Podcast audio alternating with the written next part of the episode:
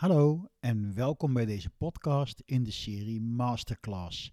Interviews met mensen die iets bijzonders bereikt hebben in de wereld van de gastronomie. Mijn naam is Jeroen Bronkhorst en deze podcast wordt je aangeboden door de Wijnstudio. Nou, ik ben vandaag bij Alwine. en uh, Alwine weet alles van distilleren, dus het lijkt me heel goed dat jij dat vandaag gaat vertellen. Nou, dankjewel Jeroen. Ik vind het superleuk uh, dat je aan me hebt gedacht uh, hiervoor. En uh, ja, per slot van rekening zijn we al hele oude bekenden. Ja. ooit zat ik bij jouw wijnopleidingen met heel veel plezier. En dat heeft mij nou ja, enorm geïnspireerd. En eigenlijk ben ik via die weg ben ik in het gedistilleerd terechtgekomen. Anderen blijven in de wijn. Ik ben naar het gedistilleerd gegaan. En uh, ja, dat ging uh, redelijk vanzelf. We zitten hier in Schiedam. En uh, ja, op het moment dat je die opleiding aan het volgen bent, dan kun je eigenlijk bij het maken van wijn en de ontwikkeling en het rijpen, daar kun je je wel iets bij voorstellen. maar hoe dat nou gaat met gedistilleerd, en je ziet die schemaatjes, er bleven bij mij zoveel vraagtekens hangen. En ja, toen dacht ik, moet maar eens gaan kijken in het Genevenmuseum uh, hoe ze dat daar doen. Want ik weet dat ze daar doen, uh, nou ja, zoals ze dat in 1880 nog deden. Dus dat is echt een soort oervorm van het, uh, van het distilleren. En uh, ja, zo was het eigenlijk voor mij heel logisch om daarin terecht te komen. De stapjes waren klein. Oké, nou, wat is het de overeenkomst met gedistilleerd en wijn? Ja, uh, nou je zou denken dat het heel ver uit elkaar ligt. Maar dat is eigenlijk niet zo. Uh, ja, de productiemethode is natuurlijk volledig anders. Want wijn is een fermentatie. En ja, gedistilleerd is een distillatie. Dus dat proces is heel anders. Maar voordat je een distillatie kunt doen, heb je wel eerst een fermentatie nodig. Want anders heb je geen alcohol om ergens uit te halen. Dus uh, ja, het is eigenlijk wijn, maar dan een stap verder. En je kunt natuurlijk uh, ja, gedistilleerd maken uit alles waar vergistbare suikers in zitten. En uh, ja, dat zijn heel veel grondstoffen. En hier in Schiedam uh, ja, maakten ze natuurlijk jenever. En jenever maak je uit graan. Gerstemout en rogge waren eigenlijk de basisingrediënten. En later is daar ook mais bij gekomen. In België gebruiken ze ook veel tarwe. En dat doen ze eigenlijk op een manier, of dat deden ze op een manier die op een oorna hetzelfde is als wat ze in uh, Schotland doen en in Ierland bij het maken van de whisky. Het zijn fracties van verschillen die er zijn, maar de basis is in principe ja, gelijk. En het distilleren uh, is een proces wat ja, scheikundig is. Uh, je hebt daar een ketel voor nodig. Het is gebaseerd op een scheikundig trucje, namelijk dat het kookpunt van water hoger ligt dan het kookpunt van alcohol. En de truc is dus om de vloeistof die je hebt, waar die alcohol zich al in gevormd heeft, zo te verwarmen uh, dat het onder de 100 graden blijft. En zodat eigenlijk alle alcohol uh, verdampt en later weer condenseert. En dan heb je dus uh, een eerste stook gemaakt, tenminste als je werkt met een, met een potstil, ook wel alambiek. En dat is eigenlijk een vrij eenvoudige uh, methode waarbij je heel veel smaakbehoud hebt van uh, je gedistilleerde drank. Vaak moet je dat meerdere keren doen om een hoger alcoholgehalte te bereiken en een meer zuivere drank. En natuurlijk heb je ook kolomdistillatie. Uh, dat is pas later uitgevonden en daarmee kun je eigenlijk heel snel allerlei stappen overslaan. Maar als je niet oppast, krijg je dan alcohol die helemaal nergens meer naar smaakt. Want je krijgt uh, neutrale alcohol, wat je gewoon kunt inkopen. Die kan van van alles gemaakt worden, maar de smaak verschilt niet zo heel erg veel. Omdat ja, als je een, een uh, drank hebt van 96% alcohol, uh, ja, dan heb je nog maar 4% over voor smaak. Ja, het is eigenlijk zo goed gemaakt, die kolomdistillaat dat je alle smaak eruit gekookt hebt, als het ware. Ja, ja dat, is, uh, dat is exact zo. Nou heb je ook kolommen waarbij je meerdere fracties uit of aan kan zetten, waardoor je precies dat stukje uh, toch kunt behouden wat je graag wil hebben. Maar ja, dat is niet waar het oorspronkelijk voor bedoeld was. Oorspronkelijk was het bedoeld om zoveel mogelijk alcohol in zo kort mogelijke tijd eh, te maken. En zo goedkoop mogelijk. En zo goedkoop mogelijk, precies. Ja, oké. En nou zitten we hier bij jou, vertel. We zitten hier bij Serious B Distillers. Serious B. Ja, ja, onze distilleerderij is eigenlijk ontstaan uit een eh, bijenproject. Dat bijenproject heet Be Serious, met twee E's van B. En eh, ja, we moesten een methode bedenken om dat project te kunnen betalen. Het kost allemaal een bak geld en wij verdienen geen geld aan onze bijen, want wij willen juist dat onze bijen steeds sterker worden. Dus wij imkeren voor de bijen in plaats van voor het geld door de bijen. Voor het overleven van de bijen. Nou ja, uiteindelijk zijn we drank gaan maken. In eerste instantie was dat mede. En mede is wijn gemaakt van honing. Dat vonden we heel goed uh, aansluiten. En eigenlijk min of meer per ongeluk ontdekten we dat een gedistilleerde mede uh, heel erg lekker is. Dan heb je dus honingbrandewijn, honey brandy. Daarmee ontdekten we ook meteen dat niemand dat maakt. En dat is nog leuker. En nou ja, even later kwam er iemand uh, van een museum in Hasselt, België, die zei: Ja, maar het is wel al heel lang bekend dat je mede kunt distilleren. Die kwam met een boek waar het gewoon in stond. In 1597 is het al beschreven in een boekje van de bijen. En sindsdien is honing steeds verder in vergetelheid geraakt. En de suiker in opkomst. En honing was destijds de enige zoetstof. Maar Eh, alles waar je, waar je wijn van maakt of bier van maakt, kun je in principe distilleren. Alles Ja. wat gefermenteerd is. Ja, niet alles wordt even lekker. Aha, oké, oké. Ja, veel wijnen bevatten best veel sulfieten. En sulfieten doen het meestal niet zo goed in een distillatie. En waarom hebben wijnen zoveel sulfieten dan? Eh, ja, dat is natuurlijk voor de houdbaarheid en de kleur. En dat er niet opnieuw eh, vergisting eh, plaatsvindt in je de bedoelt fles. dus echt toegevoegde sulfieten, Ja. niet van nature Nee. bedoel je? Nee, als je wijn wil gaan distilleren, dan moet je wel eventjes eh, van tevoren eh, proeven. Want het wordt echt niet allemaal eh, even lekker. Er zijn er natuurlijk een heleboel mensen die zelf wat proberen. En eh, dat is ook superleuk. Ik kan het iedereen aanraden, want zo zijn wij ook begonnen. Maar het heeft ook zijn gevaren. Als je gaat distilleren, hou er rekening mee dat je voorloop hebt, middenloop en een naloop. En voorloop, ja, dat is de methanol. Dat is dus eh, de giftige alcohol. Nou, hier in Schiedam maakten ze er vroeger spiritus van. Dus je had hier ook de gist- en spiritusfabriek. Spiritus is zwaar ongezond. En daarom hebben ze er ook zo'n raar geurtje aan gegeven en zo'n raar kleurtje. Want in principe is een distillaat gewoon blank van kleur. En er waren dus heel veel mensen die zich eh, ja, eh, geen echte alcohol konden veroorloven. Maar die kochten dan spiritus en die gingen dat dan drinken. Ongelooflijk eigenlijk. Ja, hè? ja, verschrikkelijk. En eh, het eerste wat er gebeurt is dat je blind wordt. Je had hier dus ook heel veel blinde mensen. en eh, ja, als je er echt te veel van krijgt, dan krijg je een eh, vergiftiging en ga je er gewoon dood aan.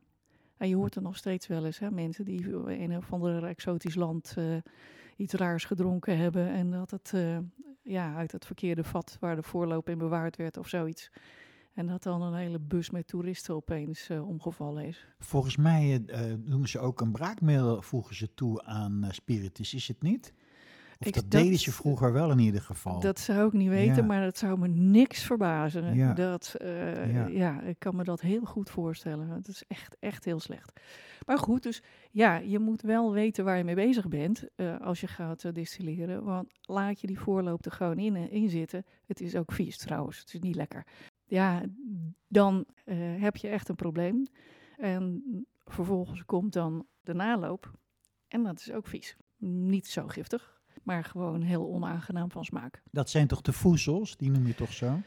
Onder andere, Oh. ja, ja eh, je moet je voorstellen dat eh, als je die vloeistof een tijdje opgewarmd hebt, die substantie die je aan het distilleren bent, en je hebt al het mooiste er eigenlijk al uit, de temperatuur zal steeds een beetje verder stijgen, dan komen er ook zwaardere bestanddelen mee. En dat zijn inderdaad de oliën en de esters. En soms zie je op een distillaat ook een klein plasje olie drijven in je glas. En dan is er eigenlijk zit er iets te veel naloop in. En de grens tussen middelloop en naloop is niet altijd even duidelijk. Maar als je echt in een nalooptraject zit, uh, dan uh, ruik je dat onmiddellijk, want het is ook gewoon heel vies. En wat ruik je dan? Kijk, op het moment dat je in de middenloop zit, dus het zuivere gedeelte, dan ruik je ook hele zuivere, zuivere, pure uh, geuren. En ga je naar de naloop, dan zit er heel veel ja, bederf zit erin. En per distillaat is dat verschillend. Maar over het algemeen, grote gemene deler is gewoon vies. Oké. Zonder naam, maar wel vies. ja, ja. Uh, in het geval van, uh, van jenever en je wil moutwijn stoken, wat eigenlijk het oerbestanddeel is voor, voor jenever, wat ook zoveel lijkt op whisky waar we het net over hadden, ja, dan hou je spoeling over. En spoeling dat ging vroeger naar het vee. En bij ons gaat het nog steeds naar het vee, want hier vlakbij is de floating farm. En die koeien zijn er dol op. En er zit natuurlijk eigenlijk geen alcohol meer in. En je hebt ook borstel. Ja, dat is eigenlijk hetzelfde, maar dan bij bier. Oh, dat is voor bier en ja. spoeling is voor sterke drank. En ja. dat zijn gewoon de restanten die overblijven. Ja, spoeling is met name voor graandistillaten. Hè, dus dat is een soort van ja, pap die je, dan, uh, die je dan krijgt. Dat is eigenlijk het basisprincipe van distilleren. Ja. Juist. En jij vertelde me, ja, waar komt Spirit vandaan? Daar had je ook iets over te melden. Ja, nou, het is natuurlijk heel leuk. In de tijd van de alchemisten uh, waren ze natuurlijk bezig met het zoeken naar goud. En zoeken naar het levenselixer, uh, het eeuwige leven. Dat was, uh, dat was echt een ding. In die tijd had je ook de grote pestepidemieën. Ja, die, die pestdokters, je kent de plaatjes wel van die, van die mensen in lange gewaden met zo'n snavelmasker. Het gebeurde eigenlijk allemaal een beetje tegelijkertijd. Uh, mensen hadden gezien dat als je dan uh, gezellig op een feestje was of in de kroeg zat en je dronk eens wat wijn of je dronk eens wat, wat bier, ja, dan kreeg je lekker kleurtje en je ogen begonnen een beetje te schitteren en je werd er levendig van. Uh, je kreeg de geest. En toen dachten ze, kijk, als we dat nou uit dat bier en uit die wijn kunnen halen, waar je zo levendig van wordt, dan hebben we dus een levenselixer, een eau de vie, een aquavie. Zo uh, geschieden. Op een gegeven moment uh, uh, hadden ze daar de technieken ook voor om te distilleren. Dus ze zijn toen bier en wijn en ook mede en ook andere dingen gaan distilleren. En toen hadden ze dus iets wat levensverlengend zou werken. En dat zal zeker het geval geweest zijn, want die hygiëne was natuurlijk niet zo uh, uh, heel erg uh, groot op dat, in die tijd. en zeker niet om terug te komen op die pestepidemieën. ja, het besmettingsgevaar was gewoon heel groot. En wat gebruikten die pestdokters? Die gebruikten olie van jeneverbes. Daar doordrenkten ze een sponsje mee en dat stopten ze in dat snavelmasker. En dan werden ze niet ziek. Dus zij voorkwamen besmetting door de jeneverbes. De spirit, de geest, was al uit het bier en uit het wijn gestookt. En dat was het levenselixer. En dan dachten ze, en als we dan die jeneverbes daaraan toevoegen, die ervoor zorgt dat je gezond blijft en niet ziek wordt, dan hebben we een dubbel effect. En dat is de basis van jenever.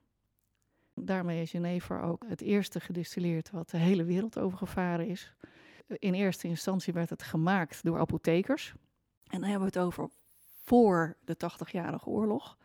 En uh, ja, het stond dus ook algemeen bekend als gezondheidsdrankje, als levenselixer. En het grappige is dat dat tot ver in de vorige eeuw ja, nog steeds geloofd werd dat een paar borrels dag dat dat uh, gezond was. Sommige mensen geloven het misschien nog wel. Ja, zeker hier in Schiedam, ja. ja. Maar alle jenever is dus gebaseerd op jeneverbes. Ja. Dat moet er altijd in zitten, of Absoluut, niet? Absoluut, ja.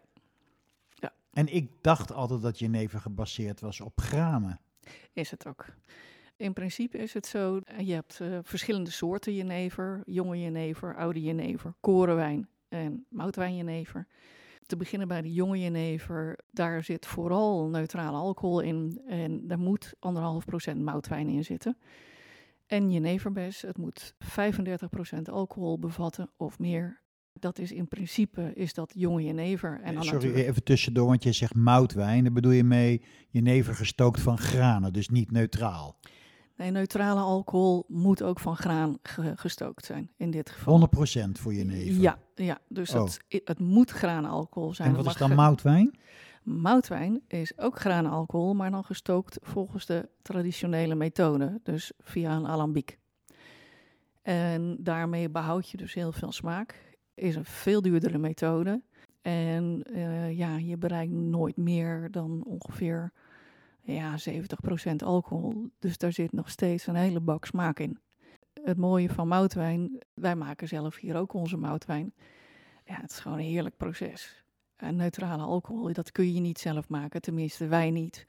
Eh, we hebben daar A, de apparatuur niet voor en B, moet je dat grootschalig doen, want anders is dat eh, Maar Ja, voor niet te is dat ook helemaal niet leuk om te helemaal doen, niet denk ik. interessant. Nee, Nee. absoluut niet. Dus Nee. dat, eh, wij maken zelf eh, onze moutwijn en daarmee zijn we eigenlijk een van de enigen in eh, Schiedam nog. Terwijl er vroeger 400 branderijen waren die allemaal moutwijn maakten.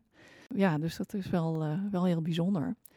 Ja, moutwijn is dus, je maakt een beslag zoals je in de whisky een mash maakt. Een pap van gerstemout, mais en rogge dan in ons geval. In eerste instantie moet dat een tijd vanaf een vrij hoge temperatuur vanzelf afkoelen. En gedurende dat afkoelproces eh, gaat die gerstemout, mout is net ontkiemde eh, gerst, waarbij enzymen zijn ontstaan in het gerstkorreltje. En die enzymen die zorgen normaal gesproken voor de groei van het plantje. Maar die helpen nu de zetmelen in dat beslag eh, zich om te zetten in suikers. Dat is dus een proces wat je rustig zijn gang moet laten gaan. Ze noemen dat eh, amylase. Jij zei zetmeelomzetting, amylase. En eh, ook dit heeft weer te maken met enzymen. Er zijn drie verschillende soorten enzymen die alle drie hun verschillende temperatuurbereik hebben. En op het moment dat die hele amylase achter de rug is, dan heb je in plaats van een dikke pap, die niet zoet is, eigenlijk gewoon een hele dunne soep, die wel zoet is. En dat gaat helemaal vanzelf. En daarvoor zijn drie soorten enzymen nodig. Ja, en die zitten allemaal in die mout. Nou, en had je het over het woord spirit. Hadden we dat nou genoemd of niet? Ja, want we Ja. hadden dat als levenselixer. en als, ja, het, precies. ja. Ja, maar daar komt het dus vandaan. Spirit, geest, spiritueel, ligt daar vlak naast. Mooi is dat eigenlijk. Ja, hè? ja, dat verklaart ook waarom hoog alcohol vaak ook religieuze dingen met elkaar verbindt. In geloven heb je nou ja, bepaalde rituelen. En meestal wordt er dan ook eh, alcohol bij gebruikt, eh, want het is spiritueel. Dus spirit en spiritueel en ook inspiratie, dat heeft allemaal eigenlijk dezelfde oorsprong. Inspiratie uit Jenever, ja. Nou ja, Ja. ik vind het niet zo gek hoor. Voor jou werkt het wel, hè? Ja. En, en wanneer is dat nou allemaal begonnen? Eh, je bedoelt het distilleren op zich. Ja? Nou, het is bekend dat in een paar eeuwen na Christus in Alexandrië de methode al uitgevonden was. Alleen wisten ze toen nog niet zo goed wat ze ermee konden doen. En eh, pas later in de middeleeuwen zijn ze dus echt alcohol gaan distilleren. En men zegt dat het eigenlijk afkomstig is uit eh, Afrika, de Noord-Afrikaanse landen. En dat het via Spanje, of Frankrijk naar boven is gekomen. Alcohol is toch ook een, eigenlijk een Arabisch woord? Alles met, wat, waar al, wat, wat met al begint is toch Arabisch, of niet? Dat zou ik niet weten, eh, maar als jij het zegt, want jij bent daar ook op ingevoerd. eh, het zou mij niet verbazen als het zo was. Eh, het grappige is dat ze nu in alle toonaarden ontkennen dat ze het gebruikten om alcohol te maken. Nee, het werd vooral voor parfum gebruikt. Uiteraard. het grappige is dat toen het eenmaal doorgedrongen was hier tot eh, de lage landen, zeg ik maar. Ja, hier werd ook echt de handelskwaliteit ervan gezien. En eh, men is dus begonnen met het maken van die jenever en het exporteren van die jenever. Maar het is bijvoorbeeld ook bekend dat wij Nederlanders eh, de mensen in de cognac hebben leren distilleren. Volgens mij in Spanje heet alcohol ook Holland, Hollandas of iets dergelijks, toch? Er zijn heel veel woorden voor die verwijzen naar eh, Nederland. Ja. ja, ja, dat klopt. Ja, en het zal ook te maken hebben met dat hier van oorsprong eigenlijk, nou ja, niet of nauwelijks wijn vandaan komt. Bier was natuurlijk ook niet altijd even zuiver. Dit zal eh, daar eh, echt mee, eh, mee te maken hebben gehad. Was bier niet zuiver vroeger? Nou, als je kijkt naar de Brouwersgracht in Amsterdam en je weet dat de riolen gewoon open waren, ehm, daar haalden Oh zij hun water God. uit. Ja, sorry hoor. ja, kijk, en dan krijg je automatisch de vraag van, maar waarom zijn ze dan gaan distilleren in Schiedam? En het heeft ook met die waterkwaliteit te maken, want Schiedam ligt natuurlijk aan de delta van de Maas. Dus je had hier heel veel mooie, schone waterbronnen. Omdat het hard stroomde eigenlijk. Ja, maar Ja. je hoeft er maar een klein putje te slaan eh, in, eh, op je binnenplaats. En, eh, en je had gewoon prachtig helder zuiver water. Oh, je staat op water eigenlijk. Eh, dus dat was een van de redenen waarom eh, Schiedam daar zo eh, succesvol in geworden is. Is Schiedam dan ook zoals Amsterdam eh, op palen gebouwd? Of? Eh, nee, op Huiden. Op huiden, ja? Ja. Ja. ja, dat is wel heel bijzonder. Ehm, maar hè, wat er verder nog aan de hand was, de VOC, die voer met jenever uit Weesp. En Weesp lag natuurlijk veel meer aan de Zuiderzee en de VOC voer vanaf de Zuiderzee. Maar de WIC, de, de driehoeksvaart naar eh, Afrika, eh, Suriname, eh, de Cariben en weer terug, ja, die voeren eigenlijk vanuit Zeeland.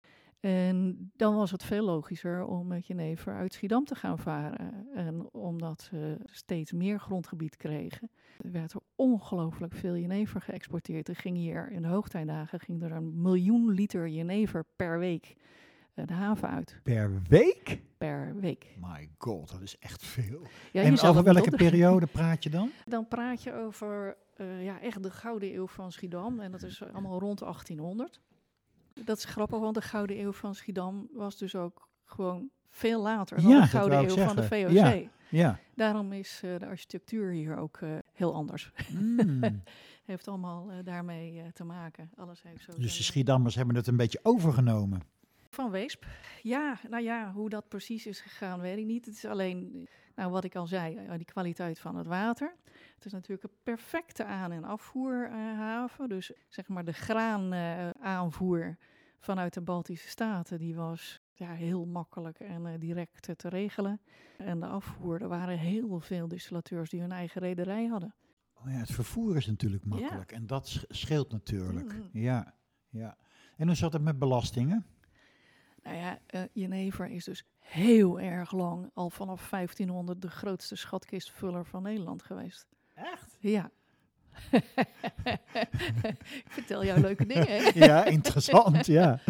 ja. Dus er werd veel belasting over geheven. Maar ik hoorde dat de mensen ook allerlei pogingen deden om die belastingen te ontwijken. Met varkens oh, die de geur eh, verbloemden van jenever stoken en dergelijke. Ja, er zijn allerlei hele grappige verordeningen. Want ja, die spoeling waar we het net over eh, hadden, wat eigenlijk eh, ja, het afval is van de eerste stook van het maken van moutwijn. Dat werd de binnenlanden in vervoerd met spoelingsschouwen. En daar voeren er ook honderden van. Dus de boeren hier in de omgeving waren allemaal veeboeren. En die zijn schathemelrijk geworden van de spoeling uit Schiedam. Maar Ho- hoezo werd je daar rijk van dan? nou ja, die spoeling die voerde je op aan je koeien. En eh, je koeien die werden daar lekker stevig eh, van, lekker vlees. Dus eh, die, ja, die hadden echt wel wat te verkopen. Dus je kreeg lekker vlees van het afval van jenever. Ja. Dat is nog steeds zo eigenlijk dan. Ja. En dat gebeurt ook nog steeds, of Ja, niet? ja. ja? Ja, hier eh, bij ons is het natuurlijk heel klein. Eh, maar dat was echt wel, ja, we vinden het heel leuk dat we zeg maar zo'n kringloop, eh, zo'n circulaire dan weer een soort in ere kunnen herstellen. Dus wij doen dat heel graag. En dat past ook in deze tijd natuurlijk. Al die spoeling ging dus naar het achterland. Maar mm, ja, dat liep vaak in goten. Vanuit de branderij eh, liep dat dus eh, de kade op. En dan eh, lag er een spoelingsschouw aan de kade en daar liep het dan in. Maar ja, er liepen ook heel veel varkens in de stad. Wat is dat, een schouw? Een voedingsschouw? Een, een boot. Een, Een boot, beetje, beetje- oké, beetje ja. open boot waar dan die dampende spoeling zo... het bevroor hier ook nooit, hè. Dus die spoelingsschouwen konden gewoon heen en weer varen. Dat is een beeld wat geen enkele stad eh, natuurlijk eh, had. En dat stoken, gebeurde dat dan de hele dag door? Of? Uh, ja, zes dagen per week, 16 uur per dag. Eigenlijk zeven dagen per week, want de brandersknechten zaten achter in de kerk, want dan konden ze af en toe even naar de branderij lopen om het vuur even aan te houden, weet je. Dus dat... Officieel zes en officieus zeven. Precies. Ja. Ja, uh, je moet wel aan je miljoen liter komen ja, natuurlijk. Ja, dat is wel wat hè, Ja. per week hè. Nou, gigantisch hè. Bijproduct was trouwens gist. En dat is misschien ook leuk. Ja, je hebt natuurlijk die vergisting nodig om die alcohol te kunnen vormen. Die gistcelletjes die eten dus die zoetigheid op, uh, die zich gevormd heeft uh, tijdens die amylase. En vermeerderen zich en geven warmte terug, dus energie, alcohol en koolzuur. Hier in Schiedam hadden ze altijd open vergistingskuipen. Dus die vergisting die kon je door de hele stad kon je die ruiken. Dat ik was vind eerlijk gezegd dat je het nog steeds kan ruiken.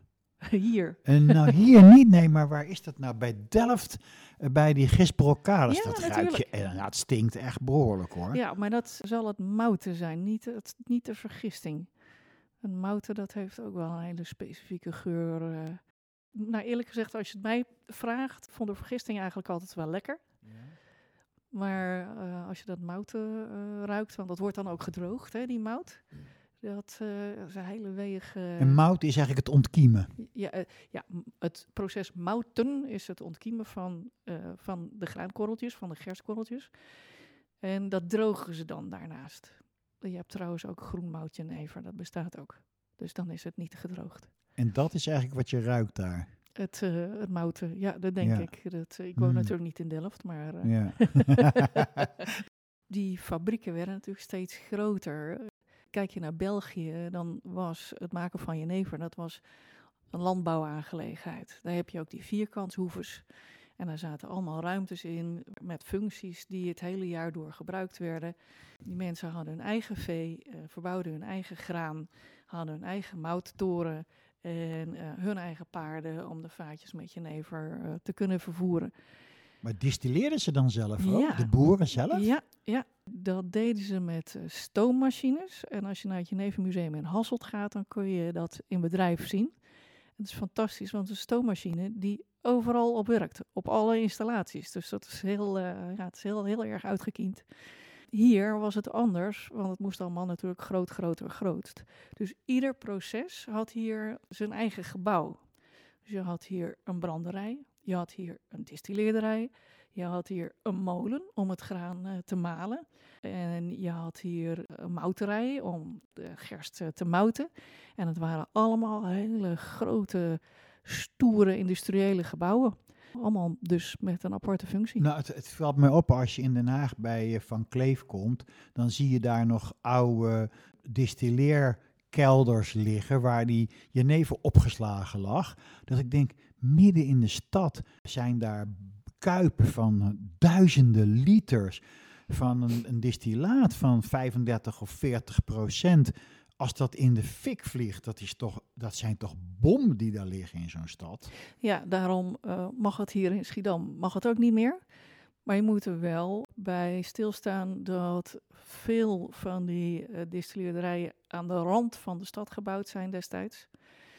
En dat de stad dat weer ingehaald heeft. Dus dan is daarachter weer een woonwijk gebouwd. En hé, hey, opeens staat die distilleerderij midden in de stad.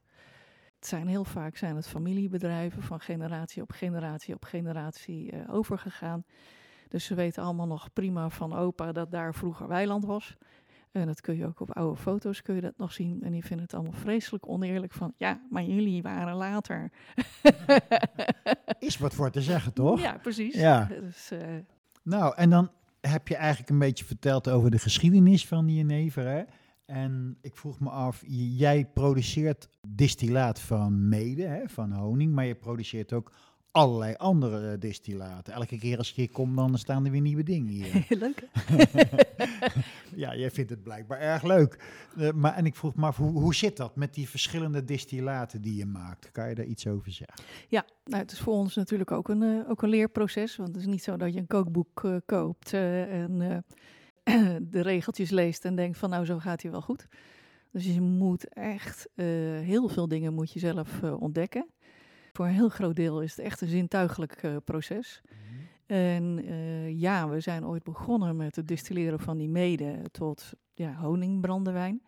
En dan heb je dus echt honingalcohol. Hè? Dat is iets anders dan dat je honingwhisky hebt of honingcognac of honinggrappa. Want dat is gewoon zeg maar het oorspronkelijke distillaat, grappa, met honing toegevoegd. Oh ja, dat is het verschil natuurlijk. Ja, en wat wij maken, dat is gewoon pure honingalcohol. En daar maken we ook verschillende smaakjes in. Daar hebben we eigenlijk een hele reeks uh, van met, uh, met hele mooie producten. Maar ja, daarnaast ook echt uniek. Want er is gewoon wereldwijd niemand die dat doet. Maar ja, wij waren daar uh, goed en wel mee op dreef. Of er stapte iemand binnen en die zei, maken jullie ook jenever? ja, het is wel Schiedam. ja. Dus wij zeiden, ja, oké. Okay. dus toen zijn we ook jenever gaan maken. En dat hield in dat we dus ook onze eigen moutwijn moesten gaan stoken. Nou, dat kon ik al vanuit het Genevermuseum. Dus dat was niet zo'n grote stap. En we hadden alle apparatuur hadden we al. Ja, je, je noemt het Genever Museum in, in Schiedam. Mm -hmm. en, en, daar was jij directeur van, of hoe zat ja, dat? Ik ben daar binnengekomen als uh, stoker. Ik had net mijn uh, WSCT 3 afgerond. Ik was dus daar binnengestapt uh, met de brutale vraag van... zeg, hoe zit, zit dat eigenlijk met dat distilleren? Kan je me daar iets over leren? nou ja, ik zou daar workshops gaan geven. En dan zou daar de, de hoofdstoker, die zou gewoon zijn ding kunnen doen. En ik zou dan intussen vertellen wat er allemaal gebeurde. Maar ja, toen ik goed en wel zou beginnen, zei die hoofdstoker: Ja, sorry, een beetje lullig voor jou, maar over een maand ben ik weg, want ik heb een andere baan. En toen dacht ik: Oh, dan wordt er niet meer gestookt in het Geneven Museum. Dus ik heb toen echt in een blink gezegd: uh, Nou, dan ga ik het wel doen, leer mij de bewegingen maar. En dan. Uh, dan leer ik later wel waar het voor is. Zo is het letterlijk gegaan. En uh, natuurlijk superleuk om zoiets te mogen doen. En een enorme eer met alleen die WSCT 3-achtergrond. Uh, dus jij wist eigenlijk gewoon niks? Nee, ja, nee. ik kan wel heel snel leren en heel logisch nadenken. Dat wel, dat, dat scheelt. En uh, ik heb ook wel een beetje lef. dus ik ben dat gewoon gaan doen. Daar komt het eigenlijk op neer. En de eerste maand had ik dan nog backup van die hoofdstoker. En later was die ook wel telefonisch bereikbaar. Als ik dan zei, ik ga weer stoken, hou je telefoon aan. Een half jaar later was ik opeens directeur daar. Dat, ging ook heel gek. Dus het was een beetje van krantenjongen tot president uh, verhaal. En toen heb ik een andere hoofdstoker aangenomen waarvan ik wist dat hij heel veel wist van die ketels die daar staan. Want dat zijn natuurlijk hele antieke ketels. En moet je verstand hebben van verschillende soorten ketels om dat te kunnen doen? Nou, hoe ingewikkelder het is, hoe lastiger om contact te krijgen met je ketel. Daar komt het eigenlijk op neer. In dat Museum staan van die hele oude ketels. En dat is een en al zintuigelijke ervaring. Dus je loopt een trapje op en je voelt aan de overloop de zwanenhals of die aan de voorkant al warm is of de helm. Dat is zeg maar het stuk bovenop de ketel waar de stoom zich uh, verzamelt. Dus zeg maar de, de, de verdampte alcohol. En uh, als die al warm is en die overloop nog niet zo echt, nou dan duurt het nog een tijdje. Maar begint die overloop dan ook steeds warmer te worden, dan weet je dat heel snel het verhaal begint uh, te lopen. Nou, dan gaat... Maar je hebt toch wel temperatuurmeters op nee. zo'n apparaat? Nee, het enige wat je dat, hebt... Dat is toch levensgevaarlijk? Nee hoor. Oh. nee, want je stookt een vuur. Dat gaat daar op open vuur van kooks. Hele schone kooks. Want ja, je moet wel voldoen aan uh, allerlei uh, uitstooteisen natuurlijk die uh, bij de moderne tijd passen. Was vroeger niet. Was vroeger was dat gewoon vette Engelse bruinkool. Dus de hele stad zag zwart. Er was ook niet zoiets als witte was. of schone longen had je ook niet hier. Maar goed, je stookt daar dus letterlijk een kolenvuur onder die ketel. Alleen ja, uh, in eerste instantie heb je dus iets met weinig alcohol. Want dat beslag waar zich die alcohol in heeft gevormd, ja, dat heeft 7% alcohol. Dus dat is echt nog laag alcohol. En daarom moet je dat ook meerdere keren stoken om aan een acceptabel uh, alcoholniveau te komen. En de eerste keer dat je stookt, dat heet dan het ruwnat. Daarna komt het enkelnat en daarna komt het bestnat of moutwijn. Beide namen voor hetzelfde. Maar jij bedoelt de eerste keer dat je stookt, heb je het ruwnat en dan heb je dus een distillaat en dat ga je opnieuw stoken Ja. eigenlijk. Ja. En dan wordt het, hoe noem je Enkel het? nat. Enkel nat. En dat gaat nog een keer stoken. En dan wordt het best nat. En, wordt best- en hoeveel procent alcohol praat je dan over? Ja, je moet je voorstellen dat eigenlijk telkens per stook de hoeveelheid alcohol verdubbelt. Dus je begint met zeg maar eh 6%. Die eerste stook, eh, dan zit je wel al meteen op zeg maar zo'n 18%. En dat is natuurlijk vooral ook omdat de vaste bestanddelen daaruit eh, uit, eh, verdwijnen. Dus dan zit je zo rond de 18%. En daarna vermeerdert het zich dus 36%, 72%. Maar wat doe je met een drank van 72%? Daar ga je weer water aan toevoegen. Nou, in hun geval wordt het teruggebracht tot eh 60% met zacht water. En dan wordt het eh, ge- gelagerd, houtgerijpt. Zij vinden eh, dat houtrijping echt hoort bij, eh, bij die moutwijn. Sorry, je hebt het over, wie bedoel je? De, de jeneverstokers hier? Het, of? het Jenevermuseum. oh, het Jenevermuseum. Want zij ja, willen ja, ja. traditionele jenever zoals die vroeger eeuwen gemaakt werd. Juist. Daar hoort eh, houtrijping ook op. Want ja, die jenever werd natuurlijk in eerste instantie in vaten vervoerd de wereld over. Dus dan is houtrijping een, eh, een feit. We gaan van, van ruw nat naar enkel nat naar best nat. Dat is 72% geworden. Dat ga je weer aanlengen met water om het weer terug te brengen. Ja, 60% is een ideale alcoholgraad om te gaan lageren op hout. En dat heeft ook weer te maken met dat de enzymen die in hout zitten en die dus hun wisselwerking met de vloeistof moeten aangaan, dat die het beste eh, werken bij die 60%. Maar daarna, eh, want jenever is 30%, toch? Ja, jonge jenever is 35%. Maar vanaf korenwijn moet het al 38% zijn. En de meeste moutwijnjenevers eh zijn 40%. Oké, Ja, dat zijn beetje meer dan ik dacht. En heb je jenever van 30%, dan eh, mag je het eigenlijk geen jenever noemen. Dan noem je dat een lichte borrel of zoiets, weet je wel. Dat, Ah, Oké. maar jij maakt ook allerlei andere producten. Hoeveel basisproducten maak jij eigenlijk? Nou, we maken dus die honingalcohol, waar ik het eh, al een tijdje over heb. Eh, we maken moutwijn, maar we maken ook rum. We maken zelf onze eigen rum. En dat is weer een heel ander proces. Dus van rietsuiker, me- melasse, ja. van melasse. Ja. Melasse en rietsuiker, ja, dat is ook echt wel een leerproces om daar iets van te maken waarvan je denkt, oh ja, dit is wat we graag willen maken. Want de meeste producenten die kopen gewoon rum alcohol in. Net zoals je moutwijn ook gewoon in kunt kopen. En dan voegen ze daar een smaakje aan toe. Eh, maar dan heb je dus een basisalcohol die de volgende eh, rumproducent ook gebruikt.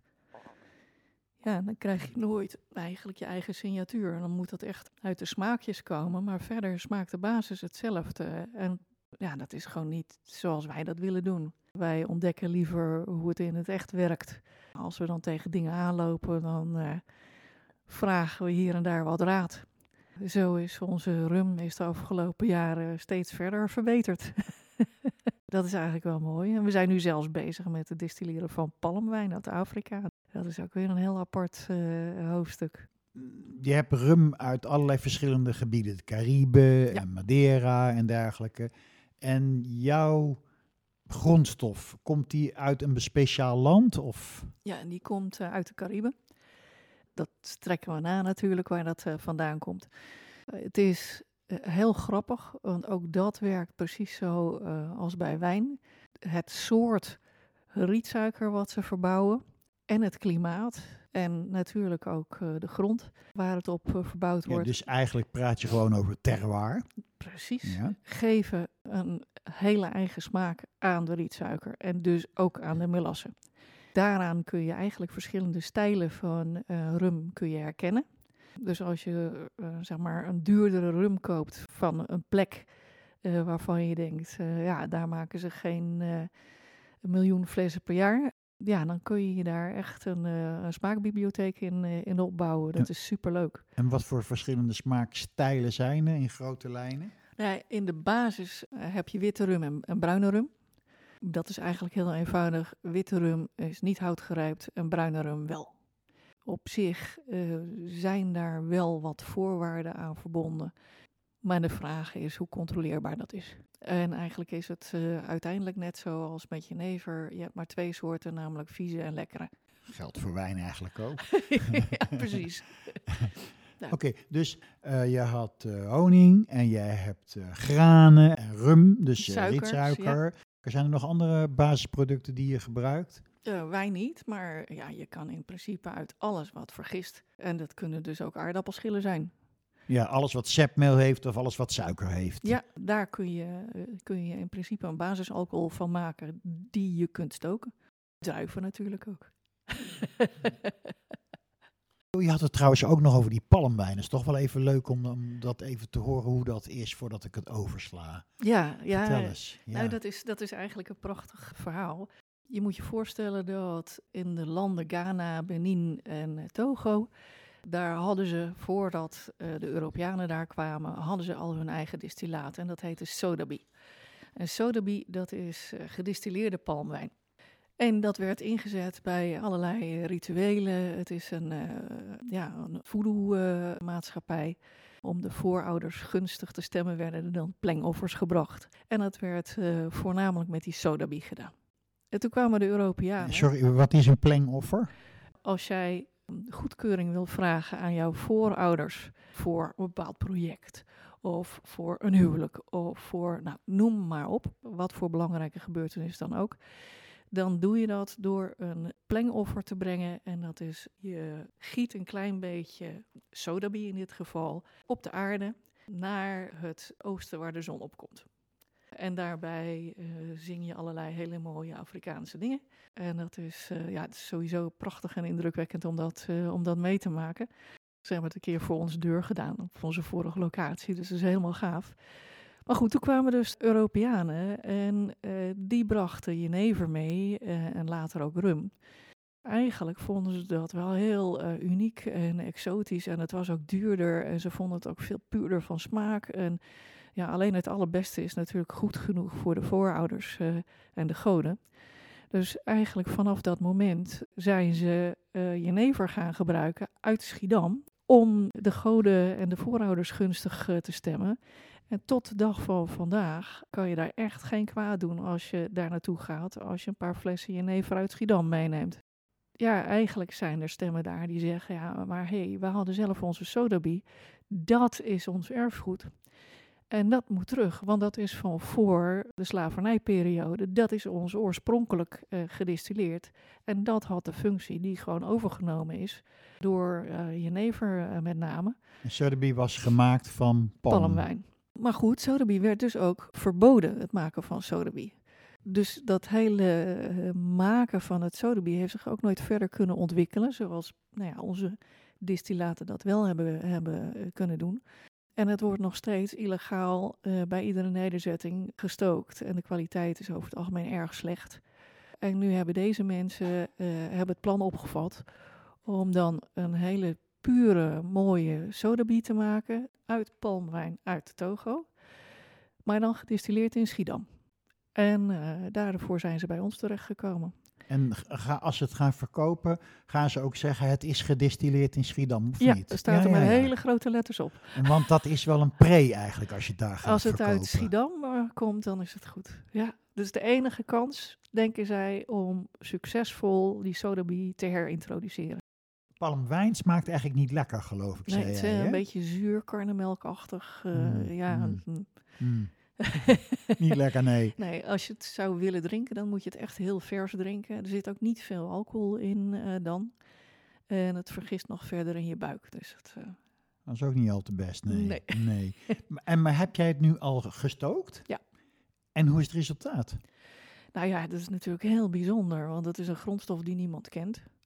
We hadden ook geen enkele referentie. Gewoon niet. Geen idee hoe het zou moeten smaken. Dus het is een heel spannend uh, avontuur. En uh, ja, het leuke is dat het, ik kan het eigenlijk niet uitleggen, maar het heeft wel een soort Afrikaans smaakje. Er zit een heel klein beetje, ja, wild, wild dier zit eraan. Ja, dat is natuurlijk wel uniek. Nou, Alwine, bedankt tot zover. Ik denk dat we nu wel toe zijn aan een pauze en dat we doorgaan met het tweede deel. En hiermee sluiten we deze eerste podcast af over gedistilleerd. Een interview met uh, Alwine Winsen van Sirius B. Ik hoop dat je met plezier geluisterd hebt, dat je er een beetje wijzer van geworden bent. En Alwine heeft nog veel meer te vertellen en dat komt in het tweede deel. Je bent weer van harte welkom om daarbij te zijn. Mijn naam is Jeroen Bronkhorst en deze podcast wordt je aangeboden door de Wijnstudio. Tot de volgende.